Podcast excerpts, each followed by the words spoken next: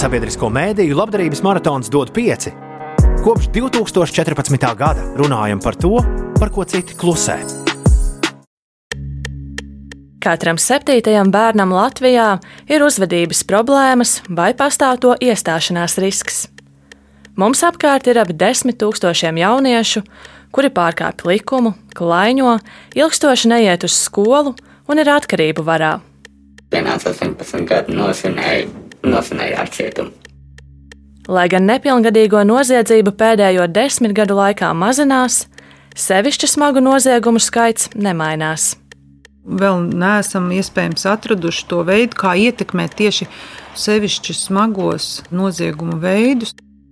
Nav arī prognožu, ka bērnu uzvedības traucējumiem paliktu mazāk. Vecāks, kurš vienkārši ir tikai darbā, nu, tas noteikti neveicina veseļošanos. Kāpēc Latvijā ir tik daudz bērnu ar uzvedības problēmām un kas tiek darīts, lai šo skaitu mazinātu? To atvērto failu pusstundā pētīšu es, Linda Spundiņa. Pirmā daļa - nosvinēju ar cietumu. Esmu atbraukusi uz valsts probācijas dienesta nodaļu Cēsīs. Te man ir sarunāta intervija ar jaunieti, kura uzvedības problēmas pārauga līdz soda izciešanai cietumā. Mani sagaida probācijas speciāliste Dace Ārne.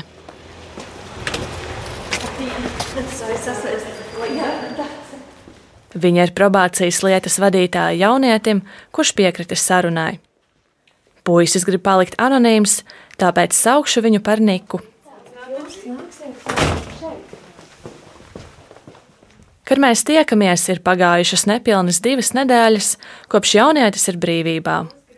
Tā jau bija otrā reize, saka Niks. Dzīves pieredze, vismaz dzīves skola. Vismaz zinu, ko drīkst darīt, ko nē. Puisim ir 19 gadu. Likumu viņš ir pārkāpis nevienu reizi vien. Pamatskolā pa marihuānas lietošanu man izmet no skolas par to. Tad es vienkārši kaut kur sāku strādāt, pienāca 18 gadu, nosvinēju, nosvinēju ar cietumu. Niks dzimšanas dienu atzīmēja ar daudz alkohola. Kad beidzās grādīgais, kopā ar draugu izdomāja aplaupīt benzīna tanku. Tas bija pustrijos naktī. Jūs gribējāt ja, naudu zakt vai alkoholu? Naudu, alkoholu, cigaretes. Paņēmām tikai naudu. Ļoti maz man tā kā mums teikt, es labāk neteikšu to. Viņš atklāja, ka tur bija mazāk par 100 eiro. Es biju tas, kurš turēja ieroci. Mēs ātri to izdarām, mūkam prom, kaut kādi 500 metru tālāk. Kaut kur mēs aizskrējām, kaut kur krūmos sēžam, redzam, divu metru pusiņu brauc. Es teicu, ej, no sev, laikam, patrāk izdarījām. Tajā pašā brīdī tev ir bailes un tev ir interesanti. Tajā vakarā puiši bija izdzēruši divas vai trīs šņabju pudeles. Policija jauniešus ātri atrada un aizveda uz Valmieras cietumu. Niku atbrīvoja pēc astoņiem mēnešiem. Pirmais, ko es izdarīju, dabūju no cietuma ceļu naudu. Kā jūs veikalu pieaudzējat? Tieši nolika vienkārši savus mānus un pateica, ē, kamēr atbrauks, tikmēr es aiziešu iedzert. Tiesa jaunietim piemēroja probācijas uzraudzību pusotru gadu. Taču Niks nepatikšanās neiekūlās labi ap pusgadu. Mēnesis jau pagāja, kad es nepatikšanas non-stop taisīju čutai katru dienu. Un tad beigās tā bija tā viena diena, kad pieķēra atkal. Niks kopā ar citu draugu piedzērās un apzaga trīs veikalus. Mēs apzagām, nu, svarīgākais paņēmis šumīgi. Jā, pieaudzēji, pieaudzēji. Ākā gājām zakt. Bet jūs bijāt plānojuši? No sākumā baigi arī nebijām plānojuši. Vienkārši ilgi bija autiņš jāgaida. Es pateicu, izrādiet man šito pilsētu ciematu, vai kas viņš tur skaitās. Izrādīja. Es saku, baigi dzert gribās. Viņš saka, pagaidi mājas. Kāds tev mājas? Redz veikals? Jā, tā nauda ir. Man naudu vajag, vai es dabūšu šmīgi? Puisis diennakti pavadīja aizturēšanas kamerā Daugaupilī. Kad iznāca, turpināja dzert. Par pastrādāto probācijas uzraudzības laikā viņam vajadzēja braukt uz Jēkabils cietumu. Tūlīt, tikpat ātri aizbraucu prom no šīs pilsētas un slēpos. Viņš bēguļoja visu vasaru. Pēc tiem trīs mēnešiem, kad es bēgu, var teikt, es izdomāju, nu, atbraukšu šeit, apciemošu senču un čaumu. Atkal pierāls seju. Tas vēl normāli. Nākamā dienā man saka, senču. Tāpēc beidz bēguļot. Es to aizvedīšu sētabē. Sīk pats viņu veido līdzi. Neko aizbraucu Jēkabilu. Jēkabils cietumā viņš bija 40 dienas. Atkal jaunam cilvēkam iepazinās, atkal jauns solis grib. Teikt, nav, nav. Cietums nav tā vieta, kur tu mainīsies. Sarunas laikā Niks man atstāja iespaidu, ka viņš pat nedaudz lepojas ar to, ka bija cietumā. Es iemācījos, kā zēgt. Man teica, kā tur var noskapkavot cilvēku, ka nezinās pēdas. Man tur iemācīja, pateica, kā mašīnas zēgt. Es tur, saku, tā interesanti bija. Nu, tas tikai laika jautājums varbūt. Es ļoti ceru, ka nē, es baigi negribētu atkal pa kaut ko sēdēt, bet, nu, dzīve ir tā, kāda ir. Šobrīd viņam probācijas uzraudzība ir nepilnu gadu. Niks grib laboties, bet pats sev netic. Tāpēc viņš nolēma, ka šo laiku jāpavada ārstējoties no atkarības sociālās rehabilitācijas centrā Ratnieki. Niks alkoholu lieto jau no 14 gadiem.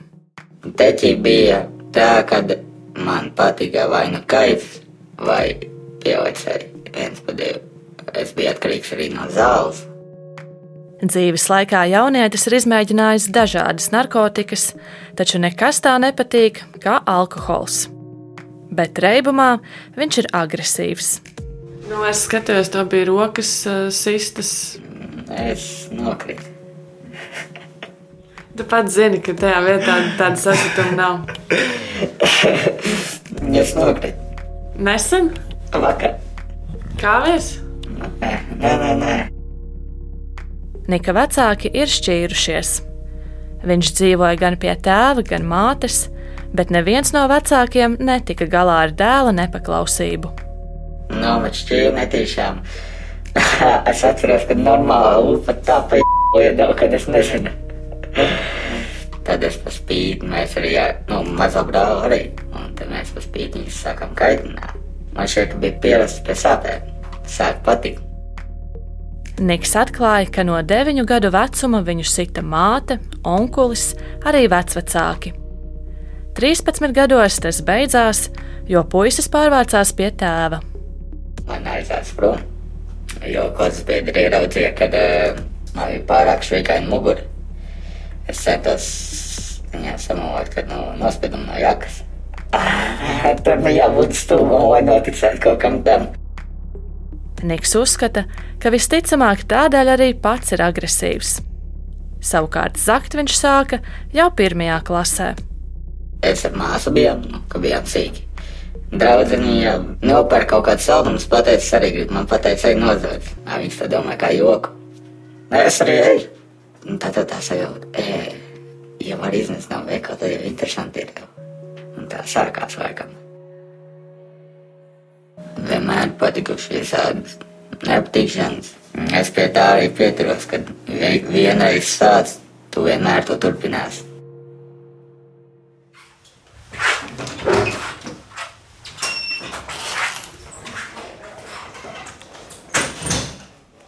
Esmu atbraukusi uz cēlus audzināšanas iestādi nepilngadīgajiem. Trausmes poga, tā parādiet. Jūs ielieciet viņu kaut kur tā, lai jūs varat viņu uzspiest. Manai drošībai dežurants iedod trauksmes pogu un ved pie iestādes priekšnieka. Sveicināti! Līgas fondiņa! Tobrīd ieslodzījumā atrodas 22 jaunieši. Iestādes priekšnieks Andris Pāža skaidro, ka lielākā daļa ir notiesāti, bet pārējie ir apcietinājumā. Starp notiesātajiem ir tikai viens nepilngadīgais.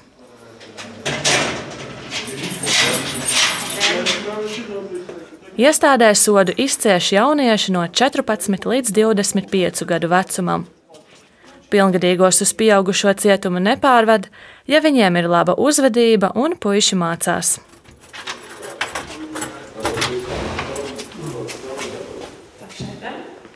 Andris Pāža mani pavada uz tikšanos ar 20 gadus veco Ruslanu. Cietumā viņš ir jau nepilnus trīs gadus. Es izdarīju dzim, dzimumu nozīmību. Par notikušo viņš nevēlas runāt, tikai atklāja, ka bija alkohola reibumā un cieta bērnības draudzene. Ruslanam šis nav pirmais noziegums. Iepriekš kopā ar draugiem zaga Bija jauna skolā. Pēc pirmās nedēļas es jau lietoju narkotikus ar saviem klases biedriem. Jā, tāpēc, ka es gribu nu, būt kā viņi. 7. klasē Ruslans ar ģimeni pārvācās uz citu pilsētu, kur nevienu nepazina. Viņš pārkāpa likumu, lai iederētos. Jaunietis sarunu turpina krieviski. Моих родителей главная цель в жизни была Maniem vecākiem galvenais dzīves mērķis bija finansiālā labklājība. Viņi tiecās pēc šīs finansiālās labklājības, tāpēc man veltīja maz uzmanības. Un tad man sākās problēmas skolā. Tagad viņam attiecības ar vecākiem ir uzlabojušās. Sazvanās katru dienu. Ieslodzījumā Ruslanam jāpavada astoņi gadi, bet viņš cer uz pirmstermiņa atbrīvošanu. Попал сюда, я многое понял, многое осознал, многому научился. Nokļuvu šeit, daudz sapratu, daudz iemācījos, varēju iegūt profesionālo izglītību. Iemācījos kontaktēties ar puišiem, lūk, strādāju šeit ar savu alkohola atkarību. Tas ir liels pluss. Šeit viņš apgūst būvnieka profesiju, lasa daudz grāmatu un interesējas par arhitektūru. Man ļoti gribas ceļot. Mans lielākais sapnis ir Roma. Man patīk arhitektūra. Ruslans stāsta, ka grib sākt dzīvi no sākuma.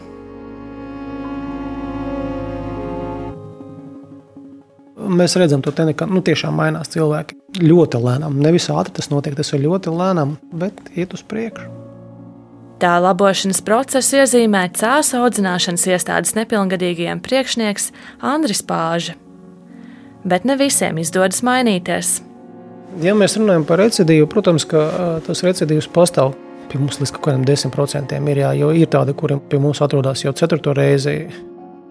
Iemesli atkārtotiem noziegumiem visbiežāk ir atgriešanās vecajā vidē un atkarības. Bija pat gadījums, ka atkarības sākušās no septiņu gadu vecuma. Ja, un septiņos gados viņš ir paprovējis heroīnu. Andrim Pāžam jautāja par cēloņiem, kāpēc nepilngadīgie nonāk ieslodzījumā. Viņi paši pēc būtības bērnībā ir cietuši. Vai tā bija emocionāla vardarbība, vai tā ir fiziskā vardarbība. Un viņi tādā pašā veidā tagad arī nu, turpina dzīvot tālāk, jā, jo viņi neko citu nav redzējuši. Jā, viņi uzskata to, ka tā ir norma. Tā esot nepietiekama vecāku uzmanība, kā arī vienaldzība, kas turpinājusies skolās. Šeit ir runa par to, kā atbildīgās iestādes strādā no paša sākuma. Otrā daļa līdz sevišķi smagiem noziegumiem neaizsniedzas.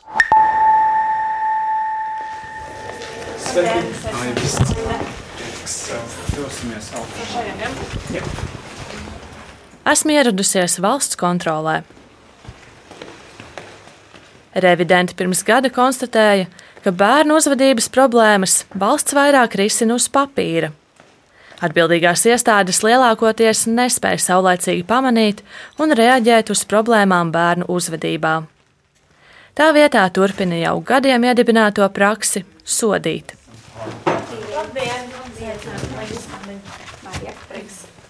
Par secināto revīzijā sarunai uzrunāju valsts kontrolas padomes locekli Maiju Āboliņu. Problēma ir pierādīta, ka mums ir ļoti liels skaits bērnu jau ar uzvedības problēmām, un bērni, kuriem ir tāds risks. Revidenti aprēķināja, ka 2020. gadā Latvijā bija vairāk nekā 10 000 bērnu, kuri pārkāpa likumu, klaiņoja, ilgstoši negāja uz skolu un bija atkarību varā. Bet šim riskam pakļauts ir apmēram katrs desmitais bērns Latvijā. Līdz ziņojumam neviens problēmu nebija apzinājies skaitļos. Māja Āboliņa norāda, ka tā ir pašvaldība atbildība pašvaldību rīcībā nemaz nav tās informācijas, kas neprasa lielu darbu ieguldījumu. Nu, kaut vai, ja mēs ņemam datu bāzi attiecībā uz reģistrētajiem administratīvajiem pārkāpumiem un noziedzīgajiem nodarījumiem, tad mēs šos datus kā revidenti arī ieguvām no šīs datubāzes un salīdzinājām ar pašvaldību pašvērtējumu, par cik viņiem šādu bērnu ir, un tie rezultāti atšķīrās attiecīgi divas, trīs reizes. Tas parāda, ka problēmas apjoms ir lielāks nekā par to domāju. Māja Aboliņa skaidro, ka informācijas apkopošanas sistēma ir, taču datu uzskaita un apmaiņa nav pilnvērtīga. Tāpēc bērni nepieciešamo atbalstu saņem novēloti vai nemaz. Nu, šī nebija pirmā revīzija, kurā mēs pašvaldībām uz to norādījām, un līdz šim nekādas vēsmas mums par šo nav, ka tur būtiski kaut kas uzlabotos. Tā kā valsts kontrole pirmo reizi šādi apkopoja datus, un neviens cits to iepriekš nav darījis, tad nav iespējams pārliecināties, vai situācija ar bērnu uzvedības problēmām uzlabojas vai pasliktinās. Statistikas ailītes nepilngadīgo noziedzībai vienmēr ir atrodamas policijas darba pārskatos. Lai noskaidrotu, vai tajās ir kādas izmaiņas, es dodos uz valsts policiju. Sanāca papētīt tos cipariņus. Policijas riska grupu prevencijas nodaļas priekšniece Tatjana Caune pēc mana lūguma apkopoja datus. Noziedzība arī valstī kopumā samazinās, jā, un samazinās arī nepilngadīgo izdarītie tātad noziedzīgie nodarījumi. Bērnu noziegumu skaits samazinās straujāk nekā noziedzība visā valstī kopumā. Ja salīdzina datus pirms desmit gadiem ar pagājušo gadu, tad jāsacina, nepilngadīgo noziegumu skaits samazinājies apmēram divas reizes. Bērnu policija reģistrēja vairāk nekā pustūkstoti šādu gadījumu. Vai izmaiņas vērojamas, jo policija kļūst pielaidīgāka? Tad Jāne Caune man nepiekrīt. Ja iedzīvotāji nāk un uh, iesniegumus raksta un ziņo par nodarījumiem noziedzīgiem, ko veids nepilngadīgie, tad attiecīgi tiek veikta arī izmeklēšana, šie gadījumi tiek reģistrēti. Cits uh, scenārijs ir, ja iedzīvotāji neziņo mums. To, vai sabiedrība kļūsi kūtrāka, vai tiešām nepilngadīgie ir prātīgāki, nevar pārbaudīt. Ievērojami samazinājušās ir sādzības. Varbūt iemācījušies zakt tā, ka nepieķer. Nu, šobrīd man liekas, nozagt, ka nepieķeri ceļš tirzniecības eh, vietās ir diezgan neiespējami.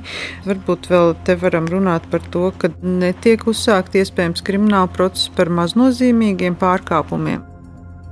Bet sevišķu smagu noziegumu skaits nemainās. Piemēram, pēdējos desmit gados policija kopumā izmeklēja 29 nonāvēšanas gadījumus, kurus veica bērni vēl neesam iespējams atraduši to veidu, kā ietekmēt tieši šos nu, sevišķi smagos noziegumu veidus un kā līdz viņiem aizsniegties. Daudzus noziegumus nepilngadīgie pastrādā apreibinošu vielu ietekmē. Kaut arī policija veic narkotiku reidus, statistika arī šajā sadaļā nemainās. Nu jā, mēs neredzam, ka tur būtu kādas pozitīvas izmaiņas. Manā rīcībā ir dati arī par nepilngadīgo noziedzību Igaunijā. Kaut arī kaimiņu valstī kopumā reģistrēto noziegumu skaits ir mazāks nekā Latvijā, nepilngadīgo noziedzība ir biežāka. Piemēram, pērn Igaunijā bija par apmēram pusotru simtu gadījumu vairāk. Laidijas Surva no Igaunijas Tieslietu ministrijas rakstiskā atbildē man uzsver, ka 15 gadu laikā valstī būtiski ir sarukusi nepilngadīgo noziedzība. Kopumā nepilngadīgo izdarīto noziedzīgo nodarījumu skaits ir samazinājies, iespējams jauniešu dzīvesveida un labklājības, kā arī nepilngadīgo ārstēšanas sistēmas izmaiņu dēļ. Mēs redzam arī izmaiņas nodarījumu veidos, pieaugot vardarbīgu nodarījumu īpatsvaram. Tomēr arī būtiski samazinājies nepilngadīgo skaits cietumā - 2008. gadā 33, šodien 3. Laivija Surva pieņem, ka atšķirības starp valstīm ir likumdošanas dēļ, bet viņa vēl atzīmē. Noziedzības statistika atspoguļo tikai tos bērnus, kas ir pieķerti. Igaunijā apmēram puse no nepilngadīgo noziegumiem saistīta ar vardarbību, bet ceturtā daļa ir zādzības. Tikmēr Latvijā no visiem bērnu noziegumiem zakšana ir augšgalā. Turpina Tatjana Cauna no valsts policijas. Nu, nepilngadīgo noziedzība jau kā tāda veidojās no situācijas kopumā, gan valstī, gan ģimenē. Jā, tātad tie ir sociāli un ekonomiski faktori.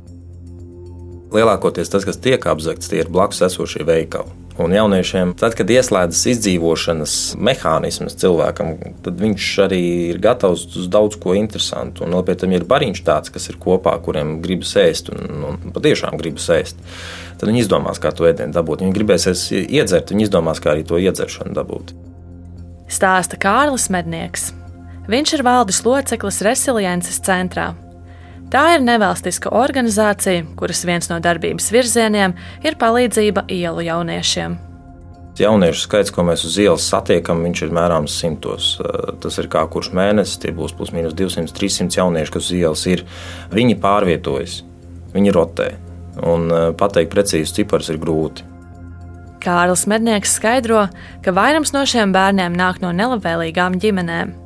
Tāpat ir jaunieši, kuru vecāki paši savulaik bija origo bērni. Tā apzīmē nepilngadīgos dīgdieņus, kas uzturas centrālās stacijas tuvumā. Bet uz ielas satiekas bērni arī no labi situētām ģimenēm. Klaiņojošs jauniešus vieno vecāku vienaldzība. Tas, ar ko viņi nodarbojas, teikšu, tā nav nekādas tās pašas labākās lietas. Bieži vien tur mēs runājam par alkohola lietošanu, smēķēšanu, tas būtu mazākais šajā gadījumā. Mēs runājam par uh, marihuānas lietošanu, un tad jau, protams, uh, lētāka līdzekļa, ja, LSD, uh, nu, narkotikās vielas jau tur parādīsies. Lai gan šobrīd sabiedrības atbalsts riska jauniešiem ir lielāks nekā agrāk, Kārlis Mednieks paredz, ka bērnu uzvedības problēmām skaits nemazināsies vecākiem laiks, ko pavadīt ar bērniem, paliek patiesībā arvien mazāk. Līdz ar to bērniem globāli trūkst attiecības ar vecākiem.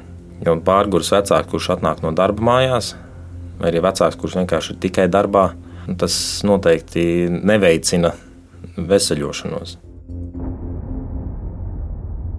Trešā daļa - nav dienas kārtībā nonācis.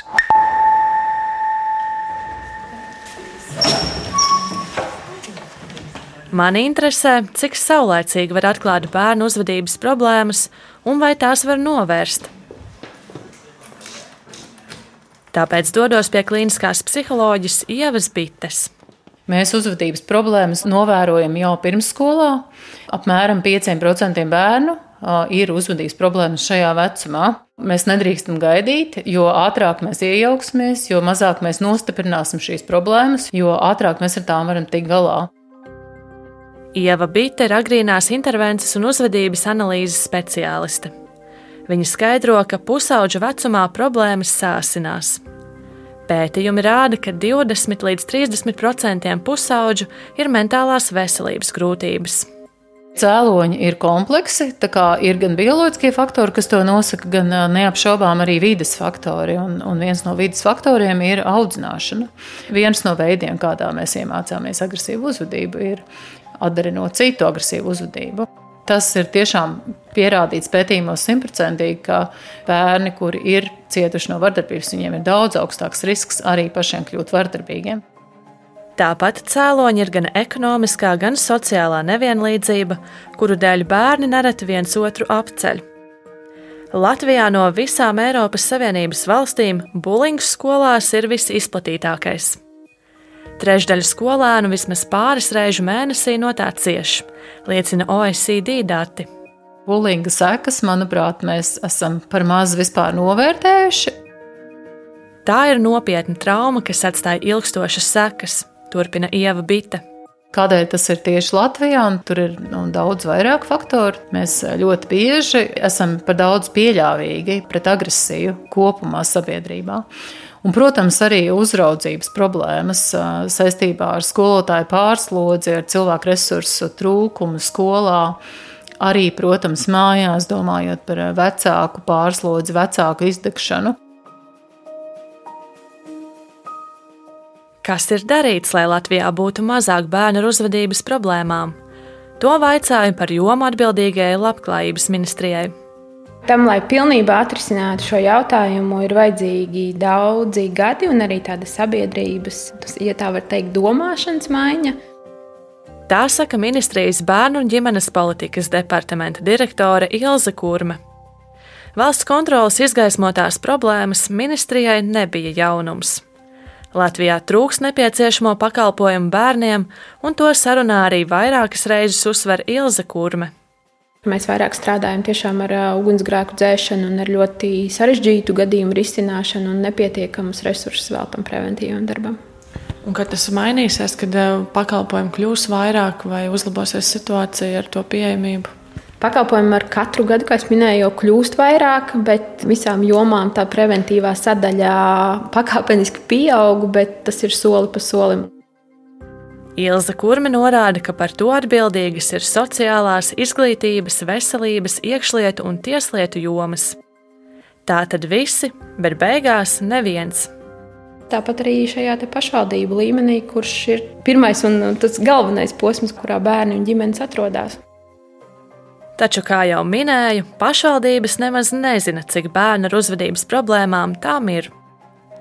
Ilzai Kurmai vaicāja, vai kopš pagājušā gada, kad valsts kontrole atklāja jucekļu informācijas sistēmās, tās ir izdevies sakārtot. Daļa sistēmas šobrīd arī tiek aktīvi kārtotas. Tikmēr plāno veidot jaunu informācijas apmaiņas sistēmu, jo līdzšinējā ir tehnoloģiski novecojusi un nepilda savas funkcijas.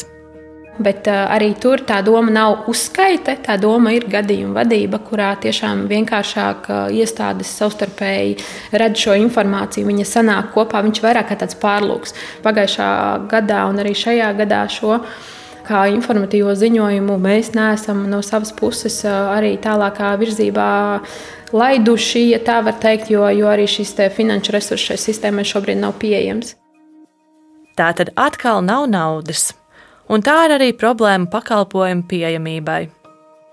Tas ļauj man secināt, ka trūkst politiskās gribas, lai šis jautājums būtu prioritārs aicinot uz aktīvu līdzdalību un rīcību Latvijas agrīnās bērnības politikas veidošanā pārisoru koordinācijas centra sadarbībā ar Latvijas. Pagājušā gada beigās pārisoru koordinācijas centrs diskusijā jau atkal atgādināja, ka jāizveido vienota bērnu agrīnā atbalsta sistēma mēs meklēsim atbildi uz to, vai politiķi un ierēdniecība ir gatavi.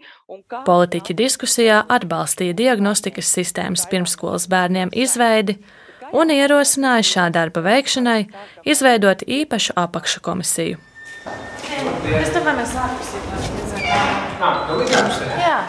Gada sākumā politiķi izveidoja demogrāfijas, ģimeņu un bērnu lietu apakškomisiju. To vada Nacionālās apvienības deputāts Jānis Grasbergs. Viņš skaidro, ka komisiju izveidoja, lai koordinētu sadarbību starp ministrijām. Un līdz ar to pie galda ir jāapsēdina divas, trīs, citreiz četras, lai risinātu kādu jautājumu. Un kas darīts šajā jautājumā? Bērnu problemātisku uzvedību mums nav dienas kārtībā nonācis jautājums vismaz šajā laikā. Bet vai jūs redzat, ka kaut ko var panākt, lai mums nebūtu tik daudz bērnu, kuriem ir uzvedības problēmas? Noteikti tā ir tā izglītības audzināšanas darbs, kurš var ietekmēt ja, šos procesus. Un, man jau liekas, ka lielākā lieta ir nu, audzināt pašus vecākus. Ja. Bet tā valstiskā līmenī, vai jūs tur redzat kaut ko, ko varētu darīt? Uh, nu, principā jūs esat pirmā, kas uzrunā šo tēmu. Un, īstenībā pēc šīs sarunas man rosās domas jā, papētīt tuvāk un iespējams, ka uh, ielikt šo tēmu dienas kārtībā, arī apakškomisijā, lai mēs viņu sāktu skatīt. Novēlota pievēršanās bērnu uzvedības problēmām ir viens no iemesliem, kāpēc mums ir tik daudz nepilngadīgo, kas jau pastrādā noziegumus. Savukārt valsts kontrole norāda, jo lielākas ir šādu bērnu problēmas, jo valstī viņš izmaksā arvien vairāk. Niks nākamajā dienā pēc sarunas devās ārstēt savu atkarību, kuras dēļ pirmos pilngadības mēnešus pavadīja aiz restēm.